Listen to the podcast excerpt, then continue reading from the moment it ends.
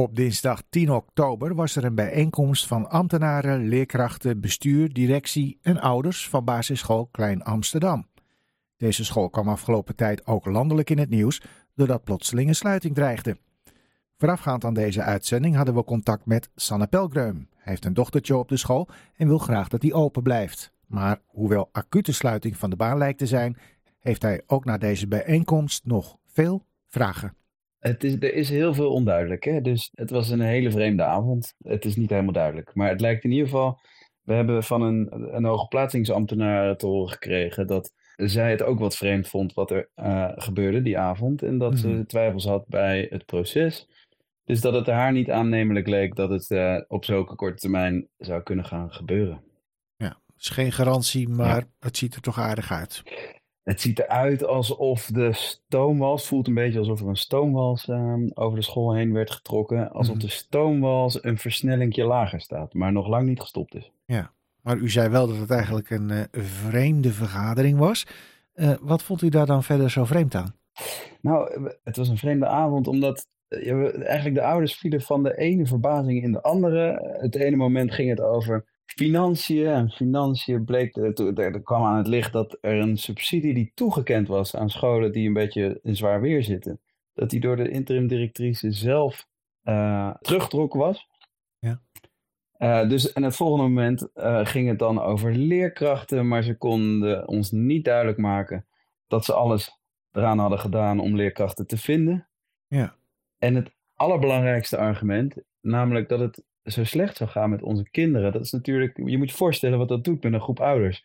we hebben in elke krant kunnen lezen uh, hoeveel leerachterstand onze kinderen zouden hebben. Ja. Dat is nogal een uitspraak. En, en wat nou, werd er dan al, over gezegd op die avond? Ja, al eerder waren de, de antwoorden daarover. Hè, we, we, hebben één keer een soort van een, een vragenlijst naar haar kunnen sturen.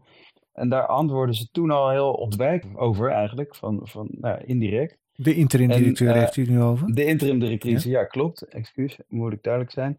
En eigenlijk sinds dat bericht van vorige week en de informatieavond hebben een team van docenten samen met externe specialisten uh, eraan gewerkt om eigenlijk door alle toetsresultaten die er wel zijn, om die eens goed te analyseren van wat staat daar nou echt.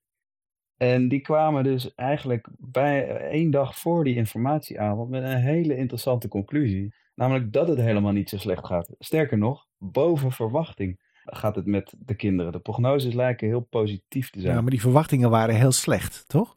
Nou, er werd ons verteld dat de leerresultaten heel slecht waren. Mm. Maar eigenlijk, en dat staat ook in het inspectierapport, er is het probleem van de inspectie geweest dat ze het niet goed konden zien, leervolgsystemen. Aha. Um, dus dat was eerst het argument. Vervolgens hoorden we van onze eigen interim-directrice dat het echt duidelijke leerachterstanden waren. Ik weet niet of je, of je in de krant hebt gelezen, maar dat was echt best wel shocking om dat overal te zien staan. Ja, nou, en dan blijkt dat, dat dat uit gewoon niet klopt. Dat het nergens op gebaseerd is en dat het tegenovergestelde waar is. Ja. ja dan, dan, dan, dan, moet je voorstellen wat er dan op zo'n avond gebeurt. Echt vol ongeloof. Wat is hier aan de hand? Uh, waar, ja, het was gewoon een hele rare avond.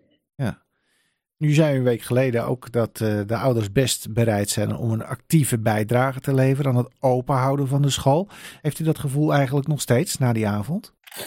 Nou, kijk, um, sinds deze avond is, is bijna de hele school, of alle ouders die ik spreek, die zijn echt verontwaardigd bijna. Dus de bereidwilligheid om de schouders eronder te zetten onder ouders is nog veel groter dan eerst. Ja, en hoe werd daarop gereageerd uh, die avond? Dat aanbod? Ja, die oproep is er nog steeds uh, gedaan. Sterker nog, dat is ook na de avond nog een paar keer uh, in een mailcontact aangeboden. Maar we hebben niet helemaal het vertrouwen dat dit aangenomen wordt. Er is een soort vertrouwensbreuk op dit moment uh, tussen ouders althans en de interim directrice.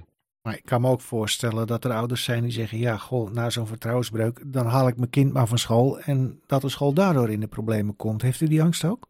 Ja, ja, natuurlijk. Ja, weet je, zo'n kwetsbare school als dit, dat, staat ook een beetje bij of de ouders er met z'n allen uh, achter blijven staan. En dat, dat is een wankel evenwicht. Ik bedoel, uh, ik heb ook wel eens die gedachte van: wat is dit nou?